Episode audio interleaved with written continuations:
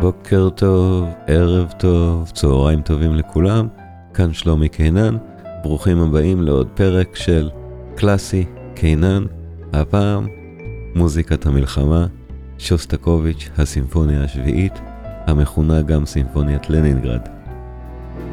זו יצירה מאוד הולמת לתקופה הזאת, לתקופת מלחמה גם שלנו. השביעית של שוסטקוביץ' אחרי הכל מייצגת ניצחון על כוחות האופל, על כוחות הרשע, על כוחות הפלישה הגרמנית בזמן מלחמת העולם השנייה. זו יצירה שגם מדהימה ביופייה וגם חשובה מאוד כאירוע היסטורי. האיבנט של הביצוע הראשון שלה בסנט פטרסבורג, עליו אנחנו מדברים היום, הוא אחד מהחשובים או המדהימים בתולדות המוזיקה. שוסטקוביץ', הסימפוניה השביעית, לנינגרד, האזנה נעימה. אחרי ש... שישה מפגשים, שאפשר גם לראות אותם ביוטיוב בלופ, אני יודע שחלקכם מאזינים לפודקאסט ורואים את זה ביוטיוב בסוג של לופ מרגיע, אפשר אולי לחזור למתכונת קצת של הרצאות, ואני גם רציתי בשביל עצמי להתחיל, להתחיל לדבר על מוזיקה ולא רק להשמיע אותה. אז uh, אני חושב שאחד הדברים הכי הולמים, כיד לכפפה, כמו שנקרא, למה שאנחנו חווים עכשיו, זאת השביעית של שוסטקוביץ'. בתור באמת uh, סימפוניית המלחמה האולטימטיבית. היצירה שנכתבה למלחמה, נכתבה על גבורה נגד צורר uh, ועל ניצחון של אותה הגבורה. יצירה מאוד uh, מאוד בעצם מעודדת למצב כזה. והשביעית של שוסטקוביץ' ושוסטקוביץ' בכלל גם לא מוכרים מספיק בארץ. אז יש לי פה הזדמנות כפולה, אני חושב, גם להציג בפניכם משהו שאולי חלק מכם, מכם או רובכם לא מכירים.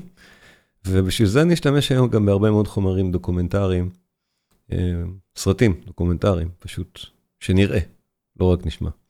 אבל לפני שוסטקוביץ', אה, החבר טוב שלי ועמית יקר שלי, אחד מהמוזיקאים ומהפסנתרנים, אני חושב, הנפלאים בישראל, ירון בכר, הוציא אתמול דיסק הדיסק נקרא מלחמה וזיכרון, מאוד יפה, שהוא פשוט מנגן בפסנתר קטעים שמאוד אה, מרגשים ורלוונטיים ממיטב השירת, השירה הפופולרית הישראלית.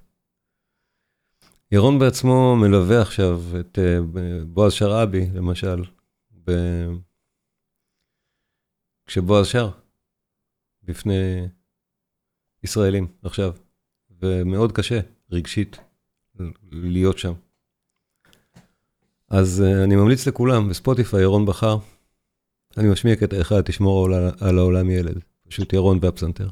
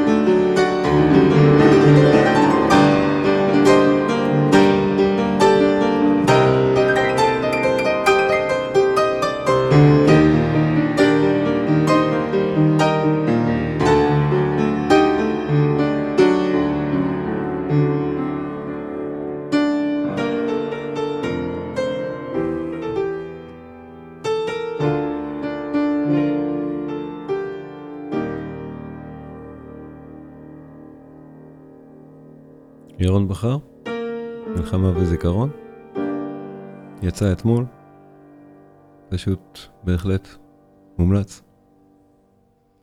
מנגן נהדר את כל, את כל השירים האלה. ו... ירון בחר והפסנתר, זהו, זה נהדר. ולענייננו, שוסטקוביץ' והשביעית שלו. אני אתחיל ב... אני אקרין דף מספר שאני באמצע הכתיבה שלו. זה ה... זה הפרק שבו נעצרתי. אני ממש, אני באמצע הספר, אני עוד לא... על שוסטקוביץ'. פרק ח' גבורה, הסימפוניה השביעית. אני מתחיל בציטוט לא כל כך סימפטי. לא כל מלחין הוא גיבור. הציטוט הזה מיוחס לארנולד שנברג, מלחין אחר של המאה ה-20, שכתב את זה על דימיטרי שוסטקוביץ' ב-1949. לא כל מלחין הוא גיבור. על שוסטקוביץ'. ואני מתחיל מהאמצע. אותה ברית של הזוג המוזר, היטלר וסטלין, אכן לא החזיקה מעמד זמן רב. אם אנחנו זוכרים, מלחמת העולם השנייה פרצה, היטלר וסטלין היו בני ברית. הזוג המוזר, היטלר וסטלין. לא תמיד זוכרים את זה. שסטקוביץ', ממקום מושבו הקבוע בלנינגרד, זכה לחוש בפועל את המחיר המיידי של קריסת הברית, המצור המפורסם על העיר. שלוש שנים של מצור, בין 1941 עד 1944, שהביא לרעב כבד ובעקבותיו שיעור האבדות האזרחיות הכבד ביותר בעיר כלשהי בהיסטוריה המודרנית, ואולי בכלל. אומדנים מדברים במספרים של בין מיליון לשלושה מיליון נספים. שוסטקוביץ' ביקש להתגייס לצבא, וסורב בנימוס, בתירוץ שראייתו הלקויה איננה מאפשרת גיוס. אבל בהיותו באמת פטריוט לעיר בה נולד ואותה אהב יותר מכל מקום אחר, התנדב במקום זה למכבי האש. ודרך התחום, התמונה המפורסמת בטיים ניתן להבין איך הפך שוסטקוביץ' בנקודה זו ממלחין נחשב לסלבריטי בינלאומי.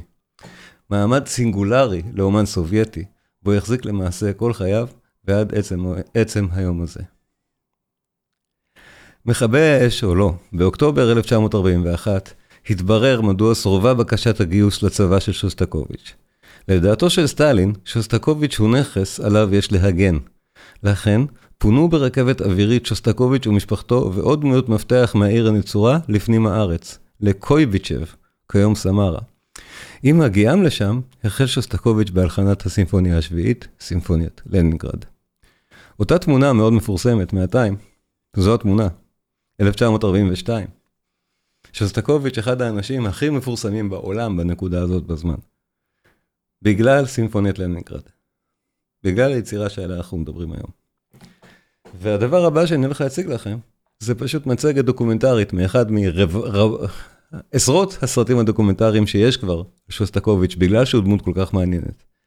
אנחנו נראה קטע קצר מהסרט שנקרא The Man of Many Faces, זה הפקה בריטית, ה-BBC נדמה לי, הפקה נהדרת, אנחנו נראה קטע קצר שמסביר מעט, מעט יותר רקע על השביעית, גרגייב גם מתראיין כאן, גרגייב מנצח, דמות חשובה, ודאי שבהקשרים של שוסטקוביץ'. בואו נראה. Shostakovich's most famous symphony, the Seventh, also known as the Leningrad, was composed under the impact of Hitler's invasion in 1941. The story of the microfilm of the score is well known. It was flown to the West where Sir Henry Wood conducted a London performance in June 1942 which was broadcast by the BBC. Toscanini and his NBC Symphony Orchestra followed in July of the same year we know of a further 62 performances in the US alone. The Leningrad became a symbol of resistance against Nazism.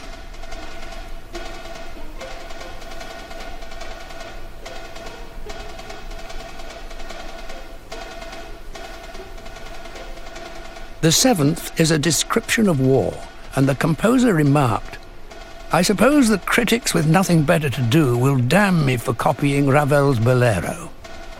Well, let them. That is how I hear war.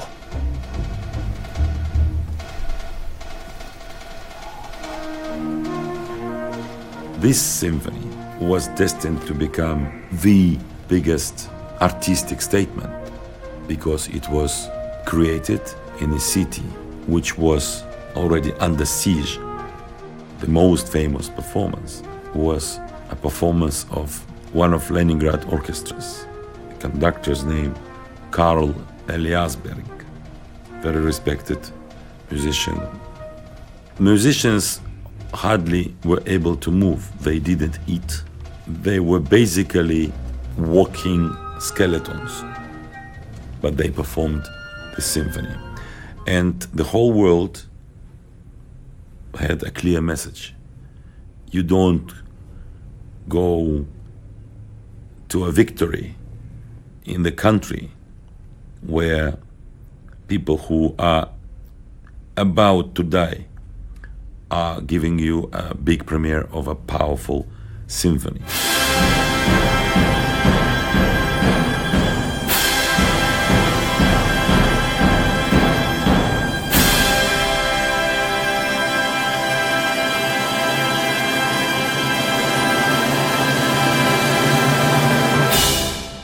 Shostakovich simply had to be one of maybe very few individuals ever chosen to speak for, um, let's call it, a right cause. He had to make message clear, strong, and heard all over big global space. And it happened. And it was nothing to do with propaganda. זה ההקדמה. אנחנו מבינים שהיצירה הזאת היא מאוד מאוד מאוד חשובה. וכן, הנצורים בלנינגרד קיבלו את התווים של הסימפוניה, אבל כבר אין תזמורת. אין מי שינגן. העיר שלוש שנים במצור, שנתיים במצור. שלוש שנים בסך הכל, אבל אנחנו באמצע המצור שם. והם מחליטים לנגן את היצירה הזאת. הם מחליטים לנגן את השביעית של שוסטקוביץ'.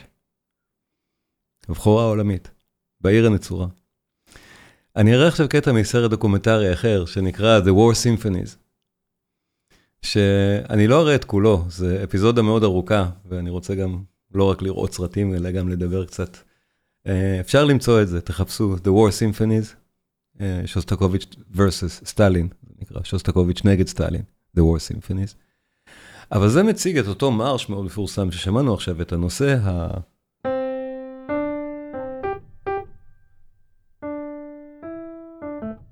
את הנושא המטופש, המטרטר הזה של המרש הזה, של הגרמנים באים. ובאים, ובאים, ובאים ומתקרבים. היצירה שודרה בערכות כריזה כאלה. מול הארטילריה הגרמנית, מול הנצורים, יש להם כאלה רמקולים, שהם שומעים את התזמורת מנגנת. התזמורת הנצורה. בואו נראה את התיאור שלהם, של אלה שזוכרים את זה, מנגני התזמורת, מתארים מה קרה שם, שהם באו לנגן. לא היה להם מה לאכול, הכלי נגינה חלודים, והם באים לנגן את היצירה. בואו נראה.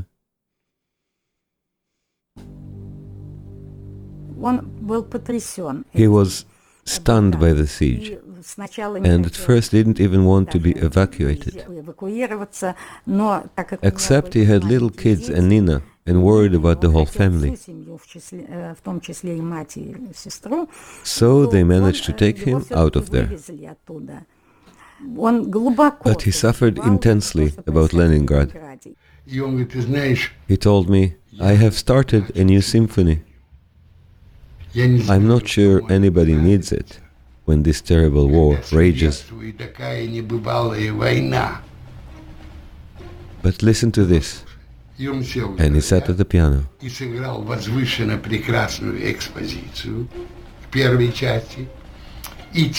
played the first part, and then the theme and variation which depicts the fascist invasion. I absolutely lost my head. My mouth was dry. I was shaken by the radiant beginning and by the tapped out sound of the executioners invading Russia and the world. We both remained silent.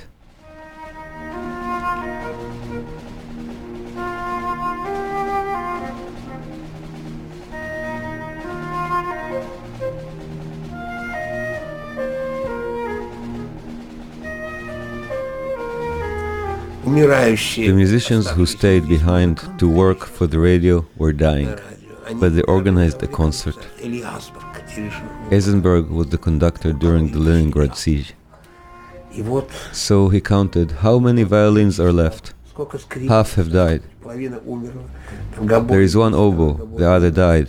There is one bassoon. But in the end, they performed the Seventh Symphony.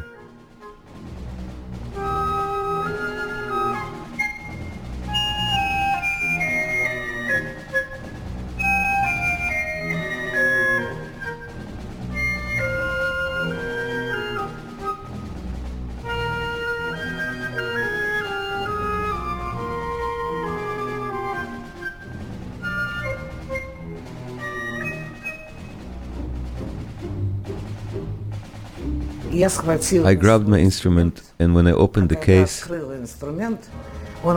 I also turned out to have dystrophy. All the pads and had turned green, the valves had turned green.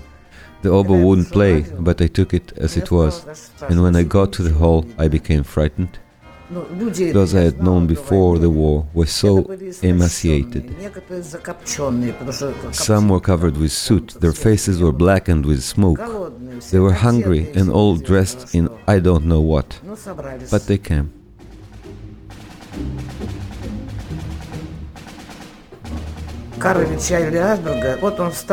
Eisenberg stood up at the podium. He lifted his hand and they were trembling. And to my imagination, it was a wounded bird whose wings are hurt and is about to fail, but he didn't fall.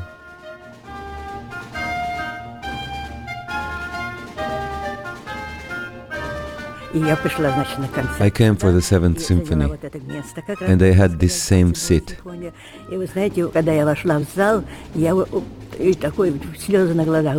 When I entered the hall, tears came to my eyes because there were so many people all elated. We listened with such emotion because we had lived for this moment to come and hear this music. This was a real symphony which we lived. This was our symphony, Leningrad.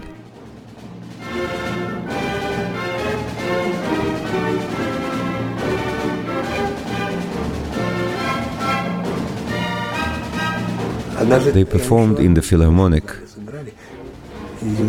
and outside bombs and shells were exploding. It was incredible. This proved that the spirit prevails over matter. The spirit is more important than matter. It was so meaningful for all of us. We realized that this concert might be the last thing we do in our lives. Music was everything. Never mind the kashka or that we were hungry. No one could feed us, but music inspired us and brought us back to life. In this way, this day was our feast.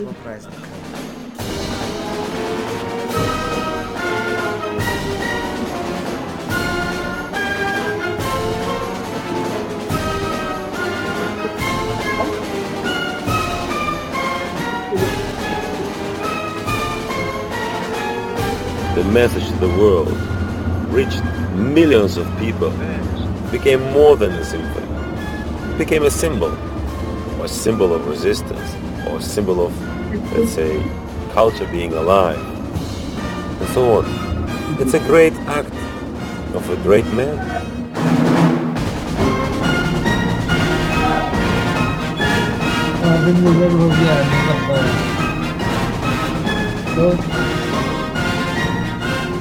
Stalin took special interest in my symphony.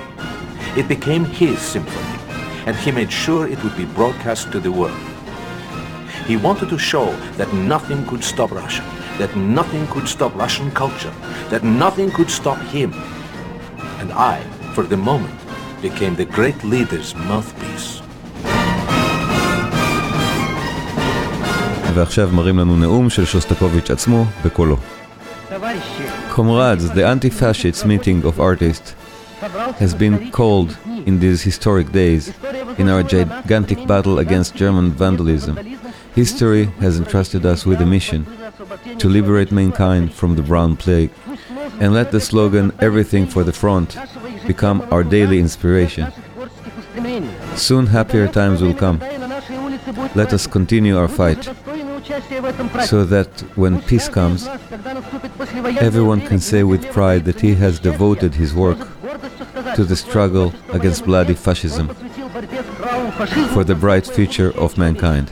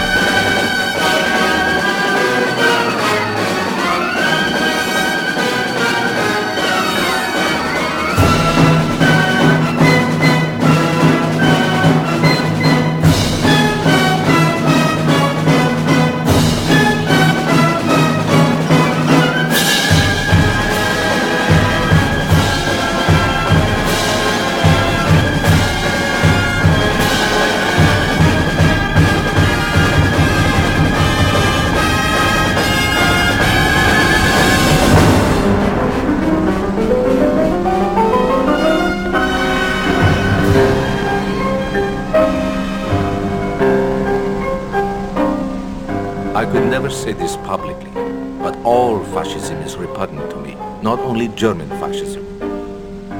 People like to say that before the war everything was idyllic, that everything was just fine, until Hitler bothered us.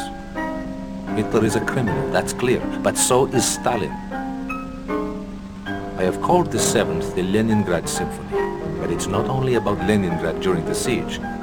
It's about the Leningrad that Stalin has been systematically destroying, and that Hitler is merely trying to finish off.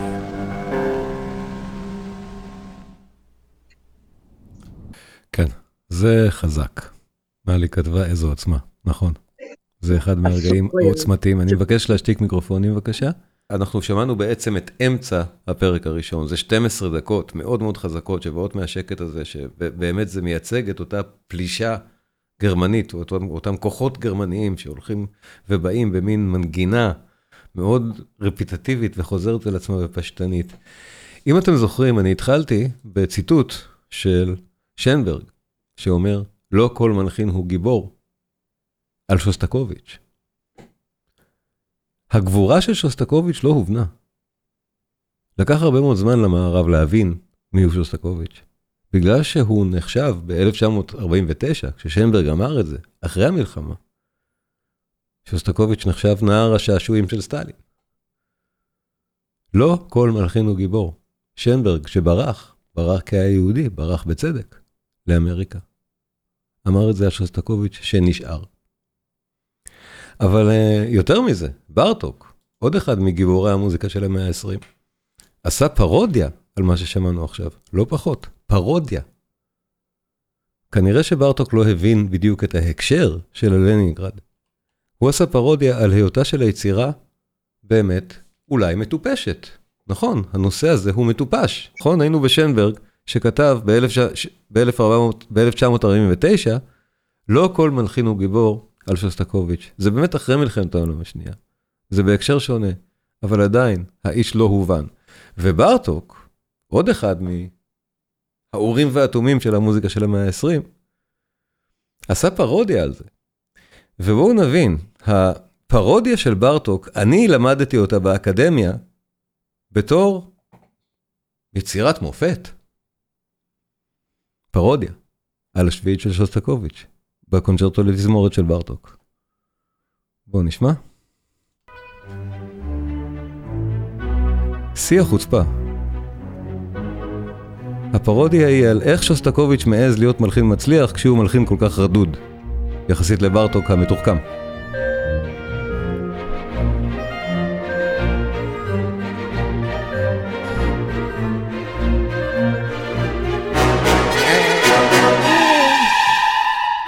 פרודיה מעולה, בואו נודה, אבל הנושא של הפרודיה לא מוצלח. פספסת, לא, לא, לא עושים מזה צחוק.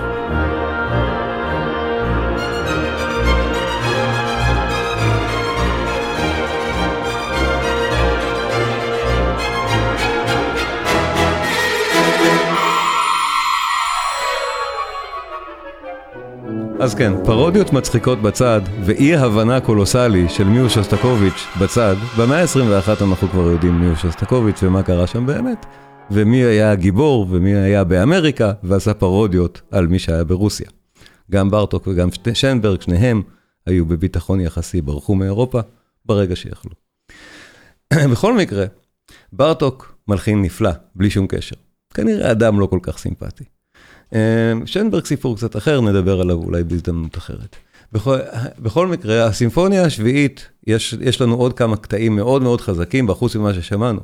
בואו נזכור, היא לא מתחילה במרש הזה, אותו מרש מפורסם ששמענו אותו עכשיו, אותה תמה שהולכת ומתגברת. הסימפוניה לא מתחילה בזה. הסימפוניה מתחילה במוזיקה של ניצחון, היא מתחילה ככה.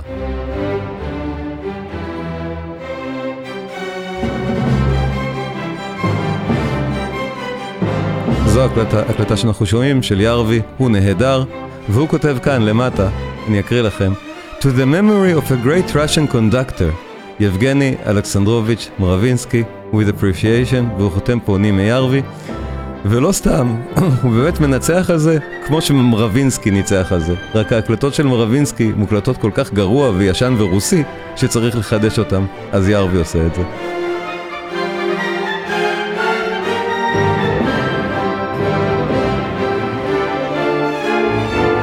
אז כן, כל הפתיחה של היצירה היא באמת שונה. אותו מרש מגיע הרבה אחר, הרבה הרבה אחרי זה. אותה סמה ששמענו קודם, שברטוק צחק עליה, קורית הרבה זמן אחר כך, ומתחילה באמת משקט מוחלט כזה, נכון? אנחנו מקבלים את התופים האלה מאוד מאוד מרחוק, נזכר. כזה, ממש מרחוק. אתם יכולים לראות אצלי אפילו, על צורת הגל, גם מי שלא מוזיקאי ולא מבין בזה יותר מדי, מבין שזה נורא חלש, לעומת איזה חזק זה נהיה פה. והסיפור הזה לוקח 12 דקות. של חזרה על אותו נושא באמת אולי מטופש. על זה ברטוק עשה את הפרודיה. אבל זה חוזר וחוזר וחוזר, וראינו כמה כוח יש לזה קודם, כשזה מגיע דינמית, נניח לכאן.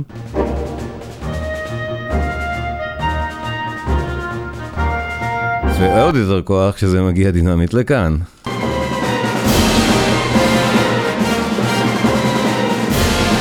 ובאולם קונצרטים לחוות את זה, מי מכם שהיה, ניגנו את זה גם בישראל. וואו, וואו, זו חוויה.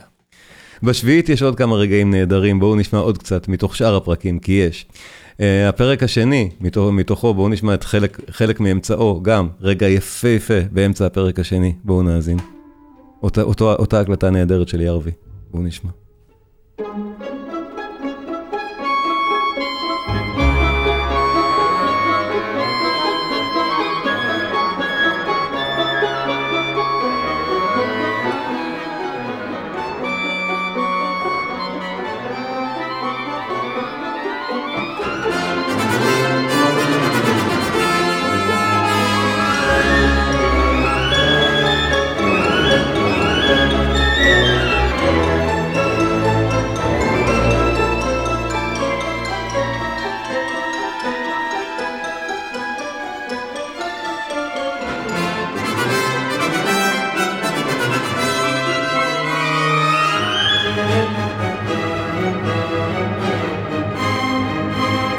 שוסטקוביץ' מלחין נהדר, פשוט מלחין נפלא. תשמעו איך זה גדל.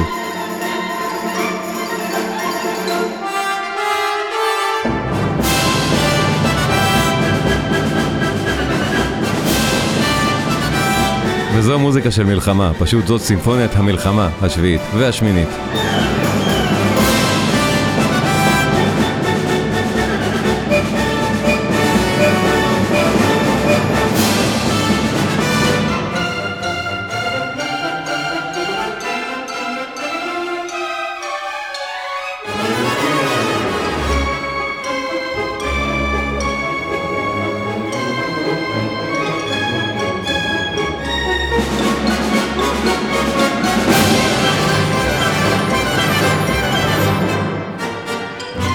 וכן, הפרודיה, ברטוק והפרודיה, מי שניגן, מה ששמענו לא קודם, את ברטוק. אז אה, אני, אני לא, לא ציינתי קודם, ובאמת כי הייתה תקלה, אז סליחה, מה ששמענו של ברטוק היה, ז, זאת ההקלטה, למי ששאל, של אה, מונטריאול ודוטואה, הקלטה מאוד גם מומלצת של הקונצ'רטו לתזמורת של ברטוק, גם אה, מוזיקה ל strings, percussion ו celesta, יצירה נהדרת של המלחין. שתיהן יצירות מאוד מומלצות, וזו הקלטה נהדרת ומומלצת. נותר לי עוד מעט מעט זמן, אז בואו נשמע עוד קצת מה, מהסימפוניה, מהפרק השני שלה. נשמע עוד חלק נהדר באמצע הפרק. זה פרק שקט בעצם. סליחה, מהפרק השלישי. סליחה, מהפרק השקט, התכוונתי. פרק, חלק מאמצעו של הפרק השקט. תשמעו איזה יופי זה.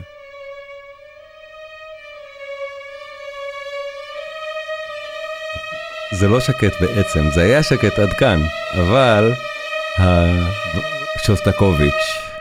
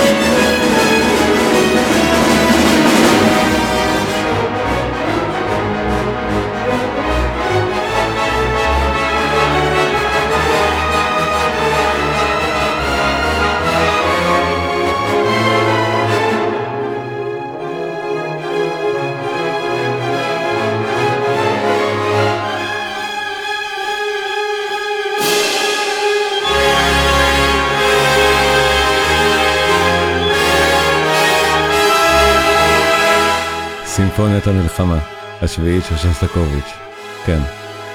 וזו יצירה כל כך חזקה, ובהחלט מומלץ, מומלץ להאזין לכולה. בכלל, למכלול הסימפוניה של שוסטקוביץ', השביעית כמובן, היא לאו דווקא הקלה שבהם, אבל ודאי שהיא אחת מהחזקות שבהם. ובכלל, אחת מהיצירות החזקות ביותר שאני מכיר מהרפרטואר, ושוסטקוביץ' באמת משתמש בו בכל ה... יורה פה בכל הרובים. פשוט יצירה חזקה, ובאמת, אנחנו שמענו קטעים קצרים עכשיו מתוך הפרקים השני והשלישי, שהפרק הרביעי בעצם סוגר את היצירה כמו שהיא, שהיא התחילה. אם, נז, אם נזכר, כל החלק המפורסם שבאמצע, של כל המצעד הזה, שראינו גם, ב, שראינו גם בסרטונים, היצירה לא מתחילה כך, היא מתחילה בתמה אחרת, בתמת ניצחון מהסוג הזה. שמענו את זה גם קודם. שזה בעצם הנושא הראשי של היצירה. לא האמצע, לא החלק, לא המצעד ההוא של ה... ש... שהולך ומתגבר, אלא התמה הזאת.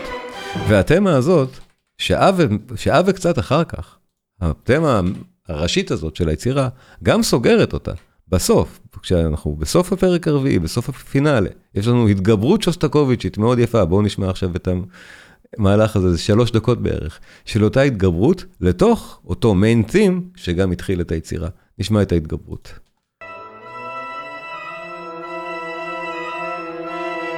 פרק, פרק רביעי ואחרון, הפינאלה של היצירה של הסימפוניה השביעית, שנגמר בסוף באותו ניצחון, כמו שהיצירה בעצם התחילה.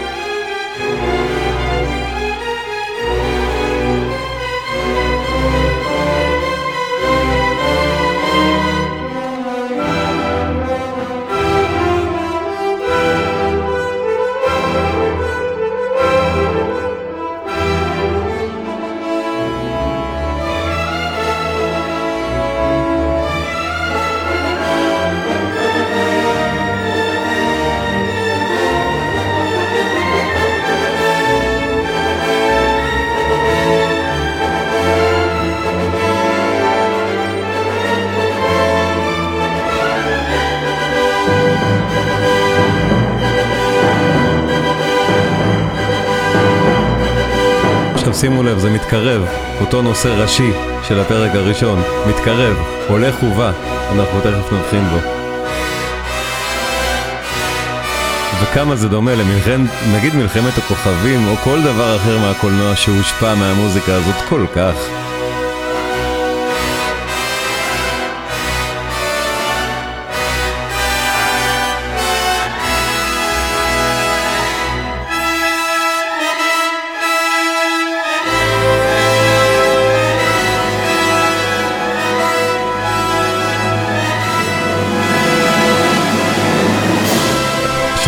הגענו, הגענו, נכון? הגענו, והנושא הראשי שפתח את היצירה, הניצחון, הוא גדול והוא שלנו. ניצחנו את כוחות האופל.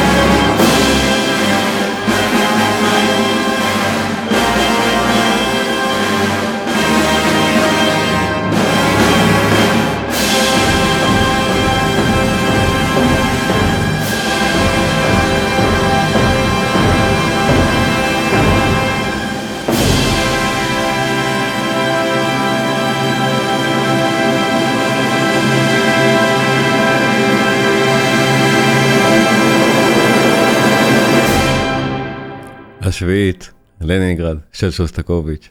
איזה יצירה. ובאמת ביקשו, לא חשבתי על זה, אבל ביקשו וזה רעיון מצוין. למה שלא נסיים ב, בוואלס מספר 2? כי שוס, שוסטקוביץ' הוא אחרי הכל, גם זה. ואלס מספר 2, תכף אני אראה איזו הקלטה, גילתרתי את זה, יאללה, בואו נהנה. אותו המלחין, איזה נפלא, איזה נפלא, שוסטקוביץ'. איזה מלחין נהדר.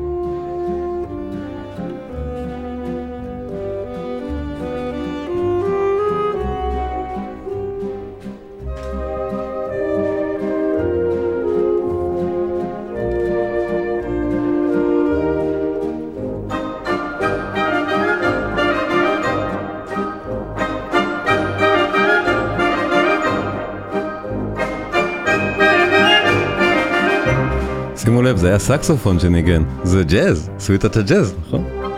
בעיני רוסי שלא ראה מעודו, ג'אז מנוגן בשנות ה-20, זה כבר נסגר ברוסיה. ג'אז או סקסופון, זה ג'אז. איזה מוזיקה יפה. מלחין נהדר.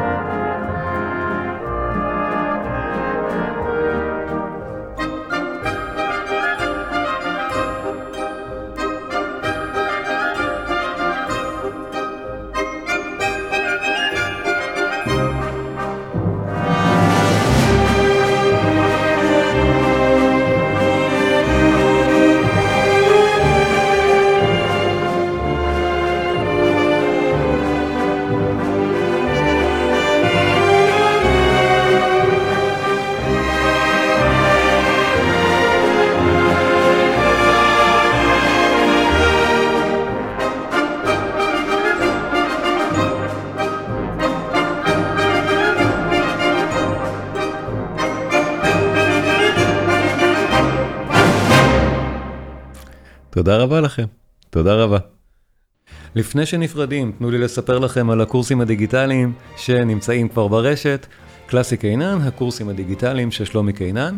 הקורסים מיועדים לחובבי מוזיקה מעמיקים שרוצים לדעת יותר.